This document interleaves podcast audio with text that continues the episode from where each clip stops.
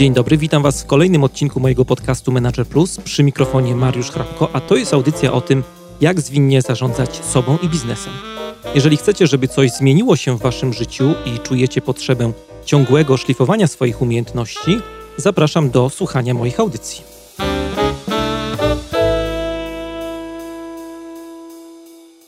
Dzień dobry, dzień dobry. Witam Was e, bardzo ciepło i serdecznie. W dzisiejszym odcinku opowiem Wam o tym, jak wspierać samoorganizację w zespole, jak e, zachęcać ludzi do tego, żeby przekraczali granice swoich specjalizacji, kompetencji, pomagali innym e, członkom zespołu. Temat jest taki mocno skramowy, ale myślę, że e, osoby, które mm, nie znają tej metody, nie stosują skrama, też dużo skorzystają, bo teraz samoorganizacja to jest takie słowo klucz, słowo, które pojawia się bardzo często też przy temacie organizacji turkusowych.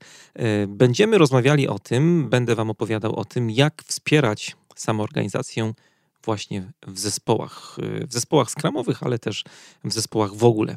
E, zespoły skramowe same zarządzają swoją pracą, nie mają szefa, który mówiłby im, co mają robić w danym sprincie, w danej iteracji pracy, jak podzielić zadania, e, kogo do tych zadań przypisać, jaką strategię pracy przyjąć. E, zespół musi radzić sobie sam, zespół musi sam e, dojść do tego i sam się zorganizować, właśnie bez szefa, który z góry powiedziałby, co konkretnie pojedyncze osoby w zespole mają robić. Zespół staje się menedżerem samego siebie. Tu jest pewien e, paradoks, i dla wielu osób taka sytuacja, to, że muszą stać się trochę e, przedsiębiorcami takimi e, w sprintach, w projektach, jest bardzo trudna, szczególnie na początku, kiedy dopiero zespół zaczyna swoją przygodę ze Scrumem i ludzie uczą się tego nowego sposobu pracy, wychodzą z tej mentalności takiej nakazowo-rozdzielczej, która no, najczęściej towarzyszy nam w tradycyjnych właśnie projektach, gdzie jest szef, gdzie jest kierownik, który przypisuje ludziom konkretne zadania. Tutaj w tej metodzie, w tym podejściu e, oczekujemy, że to zespół weźmie sprawy e, w swoje ręce. E, jednym z podstawowych elementów samoorganizacji jest umiejętność wychodzenia z własnej roli. To jest pewnego rodzaju trudność, bo mm, w samoorganizacji chodzi o to, żeby wyjść z roli, którą na co dzień pełnimy w organizacji. E, programista w Scrumie nie jest już tylko programistą, tak samo jak tester nie zajmuje się tylko testowaniem, a projektant e, projektowaniem. E, każdy zespół wcześniej czy później dostrzega wartość w takim sposobie pracy i dochodzi do takiego momentu, że no, wzrasta świadomość w tym zakresie, ale na początku, tak jak mówiłem, jest to bardzo trudna mm, rzecz do zrobienia, bardzo duża wywrotka mentalna, takie podejście po prostu wymaga zmiany sposobu myślenia, zmiany swojego e, światopoglądu. E, nie bez kozery mówi się, że Agile to jest e, zmiana mindsetu, to jest zmiana świadomości w zakresie pracy nad rozwojem produktów, świadomości, która była przyzwyczajona dotychczas do zupełnie innego podejścia, do innego sposobu organizacji tego, co robimy w naszych projektach. No i w dzisiejszym odcinku pokażę Wam kilka takich sprawdzonych sposobów, które w prosty sposób pomogą Wam e, taką świadomość e, w Waszym zespole budować, bo ostatnio jakoś e, mam takie wrażenie, że dość dużo do mnie piszecie właśnie z prośbą o pomoc w tym temacie. Dostaję maile, w których wprost pytacie, jak wspierać, jak rozwijać samoorganizację w zespole. No i przygotowałem dla Was dzisiaj pięć takich rzeczy, które e, w moim przekonaniu są ważne i które e, możecie tutaj zrobić, tak na początek, żeby właśnie taką świadomość, żeby ten sposób pracy w zespole budować. Najpierw wymienię może te rzeczy, a później skupimy się konkretnie, co tam za poszczególnymi punktami się kryje. Po pierwsze, Skup zespół na wypychaniu zadań. Po drugie, usuń niepotrzebne metryki. I mam tutaj na myśli przede wszystkim metryki, które badają indywidualną produktywność poszczególnych członków zespołu. E, punkt numer trzy, rada numer trzy, dodaj do backlogu sprintu zadania, które będą zachęcały ludzi do wychodzenia ze swojej roli i takiego pomagania innym osobom w zespole. E, czwarta rzecz, doceniaj tych, którzy wychodzą z własnej roli. I ostatni punkt, ustal kiedy i po co z tej roli e, wychodzić. I teraz e, o każdym z tych punktów opowiem trochę więcej.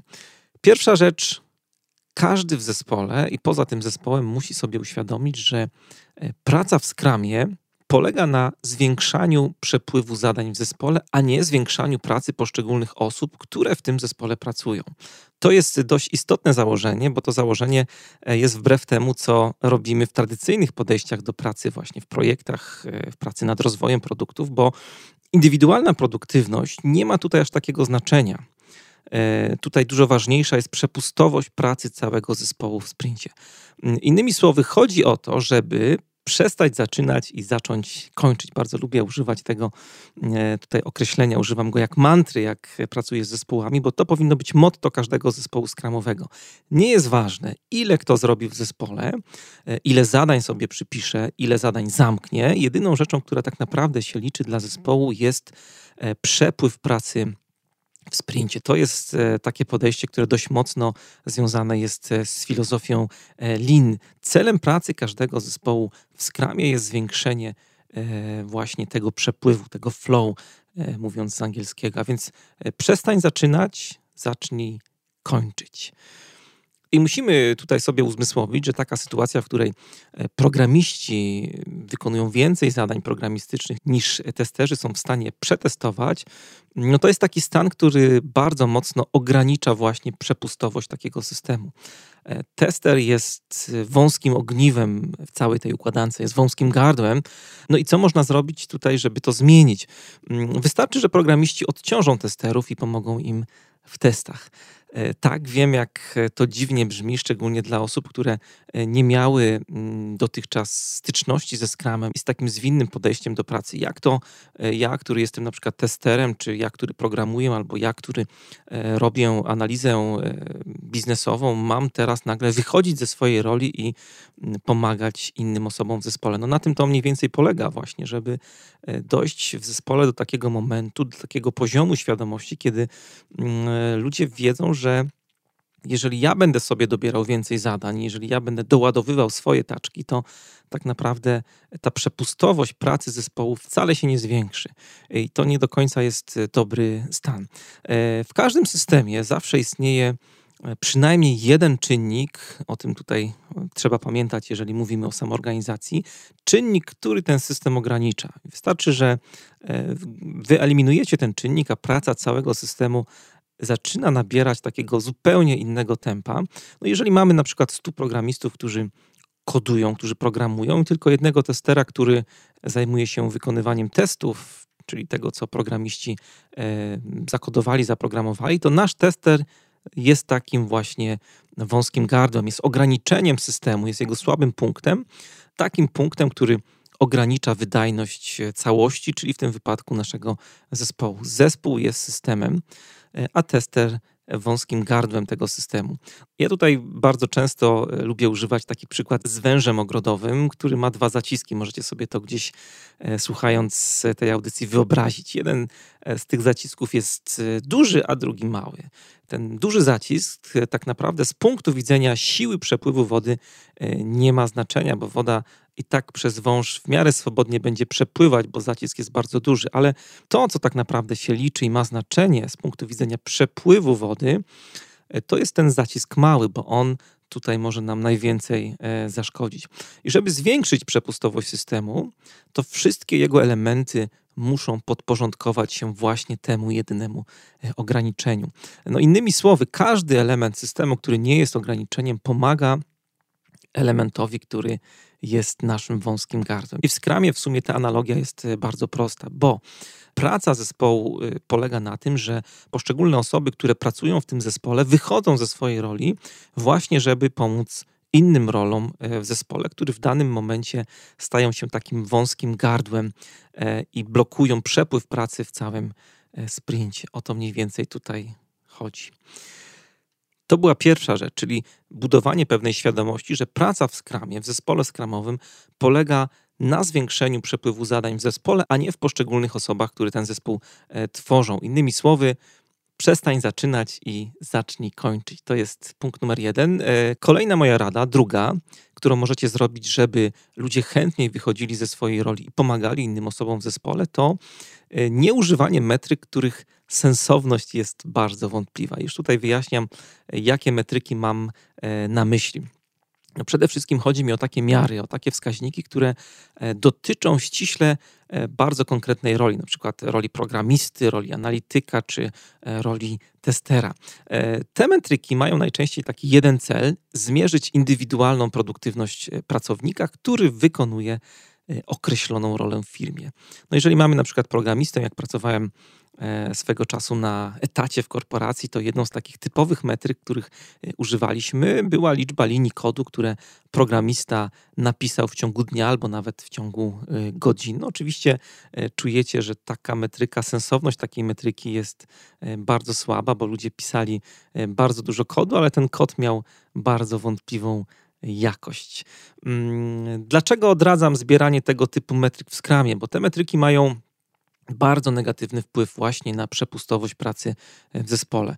Mm, tutaj y, użyję kolejnego przykładu, którego e, czasami podaję ludziom na szkoleniach. E, pomyślmy sobie o jakimś takim fikcyjnym bohaterze, fikcyjnej osobie.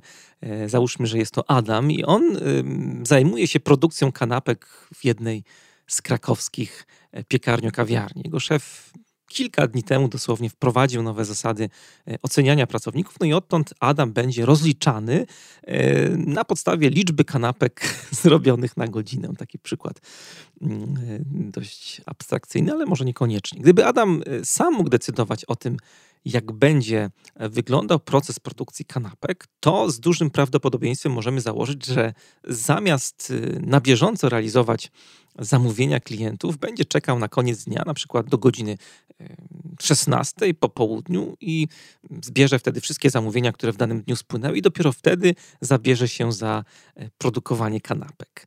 E, najpierw, nie wiem, zacznie od kanapek z tuńczykiem, potem będzie robił e, kanapki z szynką, z serem, no i cały ten wachlarz, który firma oferuje w swoim menu, będzie realizowany.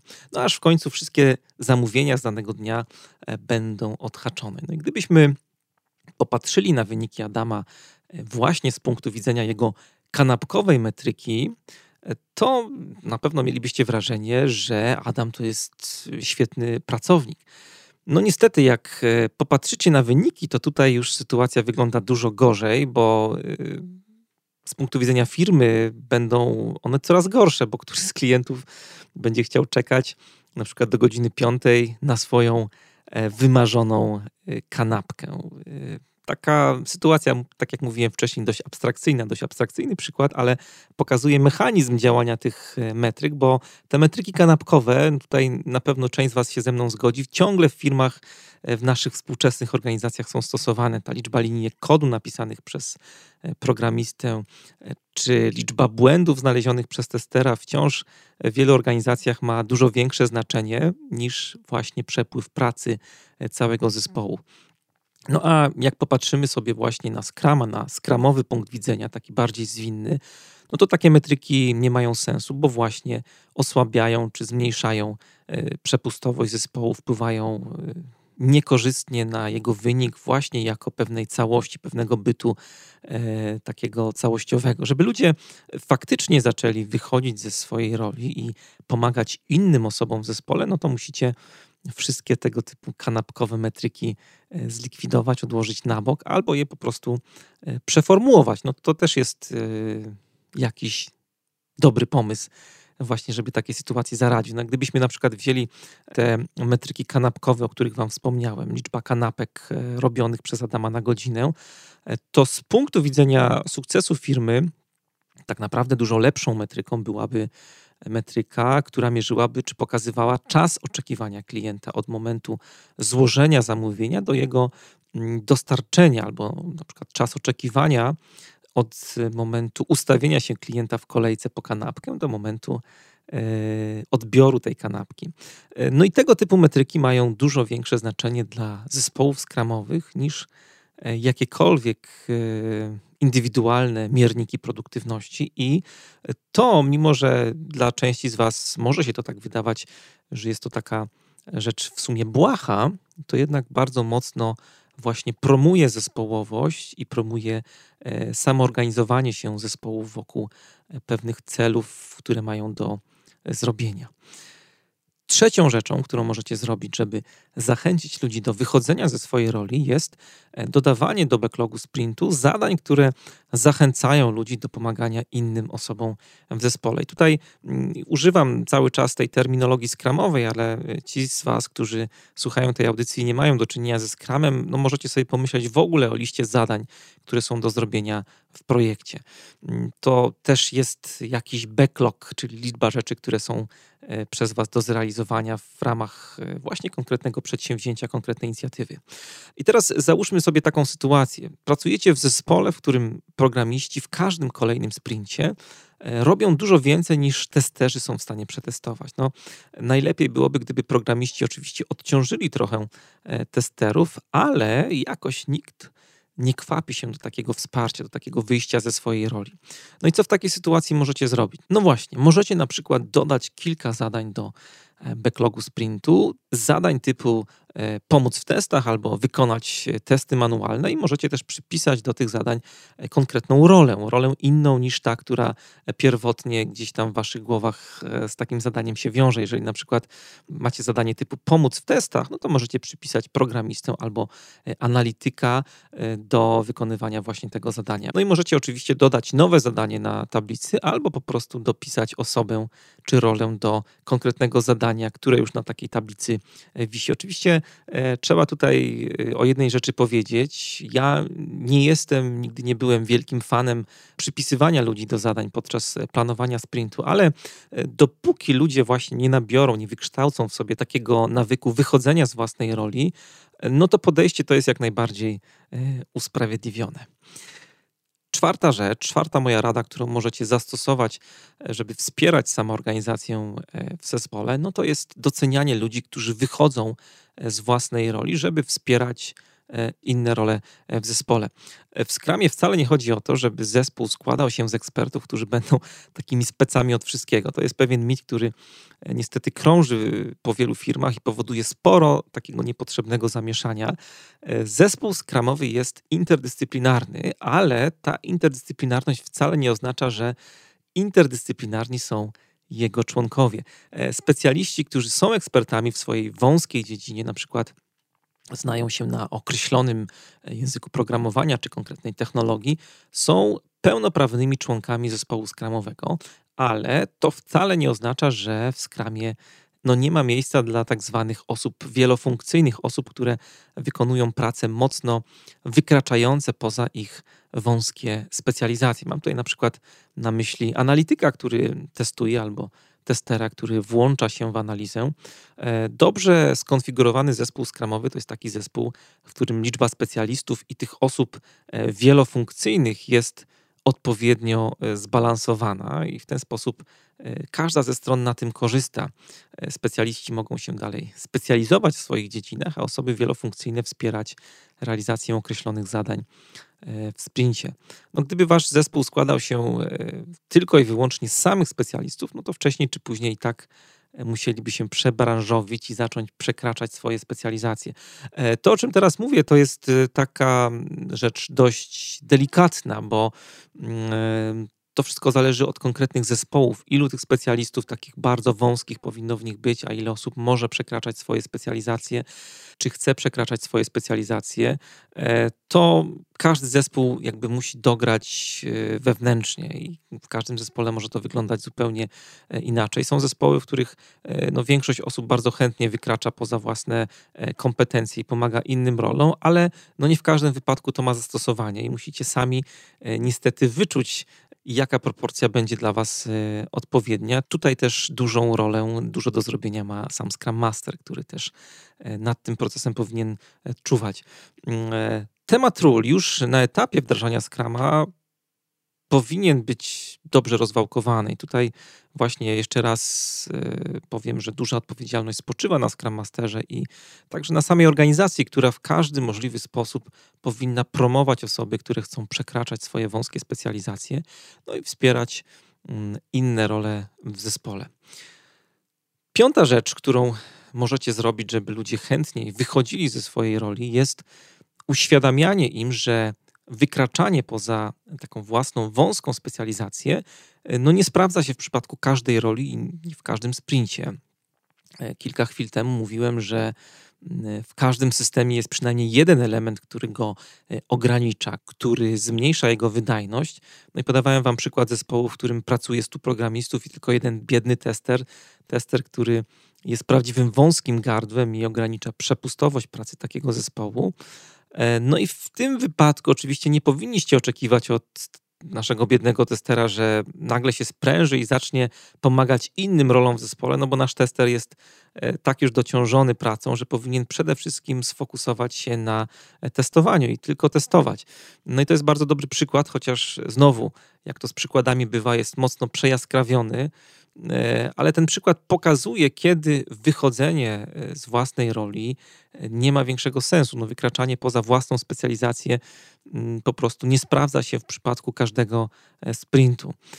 Kiedyś pracowałem z zespołem skramowym, w którym programiści faktycznie realizowali więcej zadań niż testerzy byli w stanie przetestować. No i w efekcie programiści często pomagali testerom w testach wszystko jakoś bardzo fajnie e, działało. Ale to znowu zależy od zespołu, zależy od konkretnych osobowości, które macie e, w zespole. Tutaj dużo e, pracy ma do zrobienia właśnie Scrum Master, który te procesy powinien obserwować i z całych sił wspierać.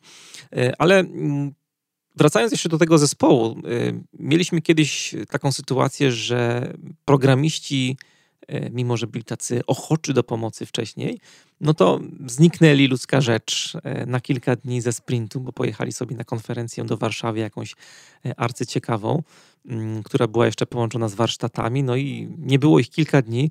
No i pamiętam, że mieliśmy taką e, nasiadówę z zespołem przed tym wyjazdem i zastanawialiśmy się, no co z tym fantem zrobić? Czy powinniśmy przerwać pracę w skramie i poczekać, aż wszyscy będą w komplecie, czyli jakby zamrozić czy zawiesić najbliższy sprint, czy może powinniśmy pracować dalej? No i zespół wybrał e, to drugie rozwiązanie. E, co prawda no, w zespole zostali praktycznie sami testerzy, ale e, no, w tym czasie mogli przetestować zadania, które programiści przygotowali im jeszcze w poprzednim sprincie. Oczywiście żeby było jasne, nie zachęcam Was do takiej pracy, do takiego podejścia, bo e, jeżeli każdy sprint będzie wyglądał tak, że programiści będą przygotowywać pulę zadań przekazywać w kolejnym testerom, a testerzy później e, wdrożeniowcom i tak dalej, no to będziemy mieli taki klasyczny cykl kaskadowy, taką sekwencję działań, której w metodach agile'owych chcemy jak najbardziej e, unikać. Pamiętajcie o zdrowym rozsądku, to jest zawsze bardzo ważne przy E, stosowanie jakiejkolwiek metody usprawniającej e, pracę nad rozwojem produktu. Pamiętajcie też, że w Scrumie chodzi o maksymalizację przepływu pracy całego zespołu, a nie jego poszczególnych jednostek, o czym już dzisiaj kilka razy Wam e, mówiłem, ale jest to naprawdę mega ważna rzecz, żeby sobie to uświadomić. I w tym wypadku, w przypadku tej sytuacji, o której Wam mówiłem przed chwilą, nasza ogólna przepustowość była dużo większa niż gdybyśmy zatrzymali pracę w sprintach i poczekali, aż E, nasi kochani programiści wrócą z konferencji i będziemy mogli wspólnie kontynuować jako zespół dalsze prace. I to była moja e, ostatnia sugestia, ale tak e, jeszcze jak Wam tutaj opowiadałem o tych pięciu rzeczach, o tych pięciu moich radach, to gdzieś tam w tyle głowy sobie pomyślałem o tym, że tak naprawdę jest jeszcze jedna rzecz, jedna rada, której mogę Wam e, tutaj udzielić, taki mały bonusik do tej listy, właśnie w temacie wspierania samoorganizacji w zespole. Tutaj bardzo ważna od tych wszystkich punktów, które Wam wcześniej wymieniłem, ważna jest edukacja. Czasami ludzie w zespole, ludzie, którzy zaczynają pracę w skramie, nie mają w ogóle bladego pojęcia, na czym tak naprawdę ta samoorganizacja ma polegać, jak to może wyglądać w zespole, gdzie leżą granice samoorganizacji, bo sama samoorganizacja zespołu w skramie nie oznacza przecież też e, takiej wolności totalnej. E, czego od nich się oczekuje w zakresie właśnie pracy w taki nowy, autonomiczny sposób? O tym wszystkim jak najbardziej e, możecie ludziom poopowiadać i zorganizować im jakieś takie mini szkolenie. To wcale nie musi być szkolenie prowadzone przez trenerów zewnętrznych, nie musicie e, zlecać tego komuś na zewnątrz, ale możecie takie szkolenie jako Scrum Masterzy sami w swoich zespołach jak najbardziej e, przeprowadzić, na przykład, nie wiem, e, godzina wprowadzenia w temat, no i kolejne 2-3 godziny na symulację. Bardzo Was zachęcam właśnie do tego, żeby to nie był tylko taki suchy wykład na temat samoorganizacji czy idei samoorganizacji w zespołach skramowych, ale żeby to poprzeć też jakimiś ćwiczeniami właśnie, które pomogą zespołowi tak na własnym organizmie przetestować, o co z tą samoorganizacją chodzi. Ja na przykład od wielu lat stosuję e, taką grę, którą pierwotnie poznałem przy okazji metody Extreme Programming. To były czasy, początek e, roku 2000, jeszcze wtedy o Scrumie w naszym kraju tak dużo się nie mówiło i też jak pracowałem w firmie amerykańskiej, to byłem członkiem takiego zespołu międzynarodowego, właśnie składającego się w dużej mierze z, z ludzi ze Stanów i wtedy mm, tematem numer jeden było programowanie ekstremalne, extreme programming i właśnie gra, której mm, używam, to jest taka moja wersja stuningowana pod e, Scrama, ale ona bardzo dobrze pokazuje, na czym samoorganizacja zespołu polega. I w zasadzie możecie ludziom nie robić żadnych teoretycznych wstępów po tej grze, na pewno każdy z nich złapie, o co w tym skramie z tą samoorganizacją chodzi. No, idea tej symulacji polega na tym, że e, ćwiczycie skrama z zespołem przez trzy sprinty, w trakcie których ludzie robią bardzo dziwne rzeczy, które nie mają związku z ich e, codzienną pracą. Na przykład budują domki z kart, dmuchają i wiążą balony, składają samoloty z papieru, e, rozwiązują zadania matematyczne. Masa różnych takich ciekawych zadań nad którymi praca e, pokazuje bardzo fajnie mechanikę Scrama i też na czym polega idea samoorganizacji, która tak naprawdę w trakcie ćwiczenia trochę e, wychodzi sama i bardzo lubię ten moment, jak już jest trzeci sprint i ludzie nagle odkrywają, że po pierwsze ktoś jest w czymś dobrym. Tworzą się różne specjalizacje. Ktoś na przykład potrafi świetnie e, wiązać nadmuchane balony, ktoś jest super matematykiem, mega mózgiem i bryluje w zadaniach matematycznych. Ktoś jest e, na przykład bardzo opanowany i skupiony i może bez problemu stawiać kilkupoziomowe domki z kart i tak dalej, i tak dalej. To jest jedna rzecz i oprócz tego ludzie odkrywają też w tych sprintach, że e, pracując pod pewną presją czasu, mając zdefiniowane konkretne cele, e, nagle zaczynają sobie pomagać. Dzieje się to zupełnie mimowolnie. Ja nigdy e, nie mówię ludziom, że no teraz w tym sprincie drugim albo trzecim powinniście zacząć wychodzić z własnej roli. Ten stan, ta świadomość pojawia się w tym ćwiczeniu zupełnie naturalnie. Oczywiście oprócz XP Game możecie zastosować także inne gry. Bardzo popularne są gry z zastosowaniem klocków Lego na przykład. Jest z takich krótszych gier węzeł gordyjski, tego jest mnóstwo, na pewno bez problemu e, wygooglacie w internecie i do takich gier i opisów tych gier e, z łatwością dotrzecie. I kończąc już, muszę Wam powiedzieć, że takie praktyczne ćwiczenia dużo lepiej się sprawdzają niż jakikolwiek teoretyczny wykład, bo po prostu e, ta mentalność, ta świadomość i praktyka zostaje w ludziach bardzo głęboko zaszyta i później w projektach mocno rezonuje. No dobrze, to już jest e, wszystko, co chciałem Wam dzisiaj powiedzieć w temacie wspierania samoorganizacji, pracy zespołów skramowych i nie tylko. E, na koniec mam jeszcze krótkie ogłoszenie dla wszystkich fanów zwinnego zarządzania. 1 lutego ruszyła sprzedaż mojego autorskiego szkolenia Coaching w Skramie. To jest druga edycja tego kursu. Pierwsza odbyła się kilka miesięcy temu, jeszcze jesienią minionego roku, a ta edycja odbędzie się w dniach 1-2 marca w hotelu Radisson w Krakowie tuż przy rynku, przy plantach krakowskich. Sprzedaż potrwa tylko do środa, więc do 7 lutego. E, zostało jeszcze dosłownie kilka dni. Kolejna edycja jest planowana dopiero e, po wakacjach. Dlatego jeżeli pracujecie w Scrumie, jeżeli jesteście Scrum Masterami i chcecie usprawnić swoją pracę z zespołem, e, pomóc mu w jego dalszym rozwoju, to bardzo Was zapraszam do udziału. Skupiamy się na tym, czego Scrum Master lub lider może nauczyć się od coacha. Mówimy o konkretnych wybranych praktykach, narzędziach, modelach. Jest mnóstwo inspiracji, bardzo duża szansa do networkingu, bo ostatnio e, przyjechali ludzie z całej Polski i widziałem, jak wam synapsy iskrzyły podczas rozmów i wymieniania się różnymi doświadczeniami, więc to jest duży plus e, tego szkolenia, szkolenia otwartego. I dodam tylko, że e, co prawda szkolenie w dużym stopniu adresowane jest do Scrum Masterów, ale na przykład w pierwszej edycji pojawili się też liderzy, którzy w ogóle nie pracują w Scrumie. Była nawet jedna osoba, która e, była członkiem zarządu jednej z firm. Było nam bardzo miło, że chciała poznać również te narzędzia i praktyki, które można wykorzystać w pracy zespołowej. Ostatnio y, pojawiło się też sporo pytań a propos właśnie tego szkolenia. Czy jeżeli ktoś nie pracuje w Scrumie, ale na przykład posiada jakąś bazową wiedzę na temat tej metody, to czy z tego szkolenia też może skorzystać? Tak, jak najbardziej. Na szkoleniu, y, tak jak mówiłem wcześniej, uczymy konkretnych technik i narzędzi coachingowych związanych z pracą zespołu. Oczywiście odnosimy je do e, pracy w Scrumie, ale taka wiedza podstawowa, bazowa e, w zupełności Wam wystarczy. Jest to świetne też przygotowanie do pracy w roli Scrum Mastera. Jeżeli chodzi o program, to w pierwszym dniu skupiamy się na takich narzędziach e, związanych z coachingiem indywidualnym. Pokazujemy różne techniki, praktyki, narzędzia, które każdy Scrum Master może zastosować w swojej codziennej pracy z członkami zespołu. No a drugi dzień tutaj mocny fokus jest na coaching e, całego zespołu.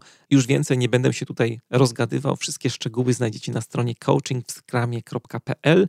E, dodam tylko jeszcze może, że szkolenie prowadzę wspólnie z Olą, która jest e, zawodowym coachem specjalizującym się właśnie w team coachingu. Bardzo fajna rzecz, bardzo Was zachęcam. E, sprzedaż potrwa tylko do środy 7 lutego, więc mobilizujcie siły i środki. Ja się nazywam Mariusz Hrabko, trzymajcie się i do usłyszenia niebawem.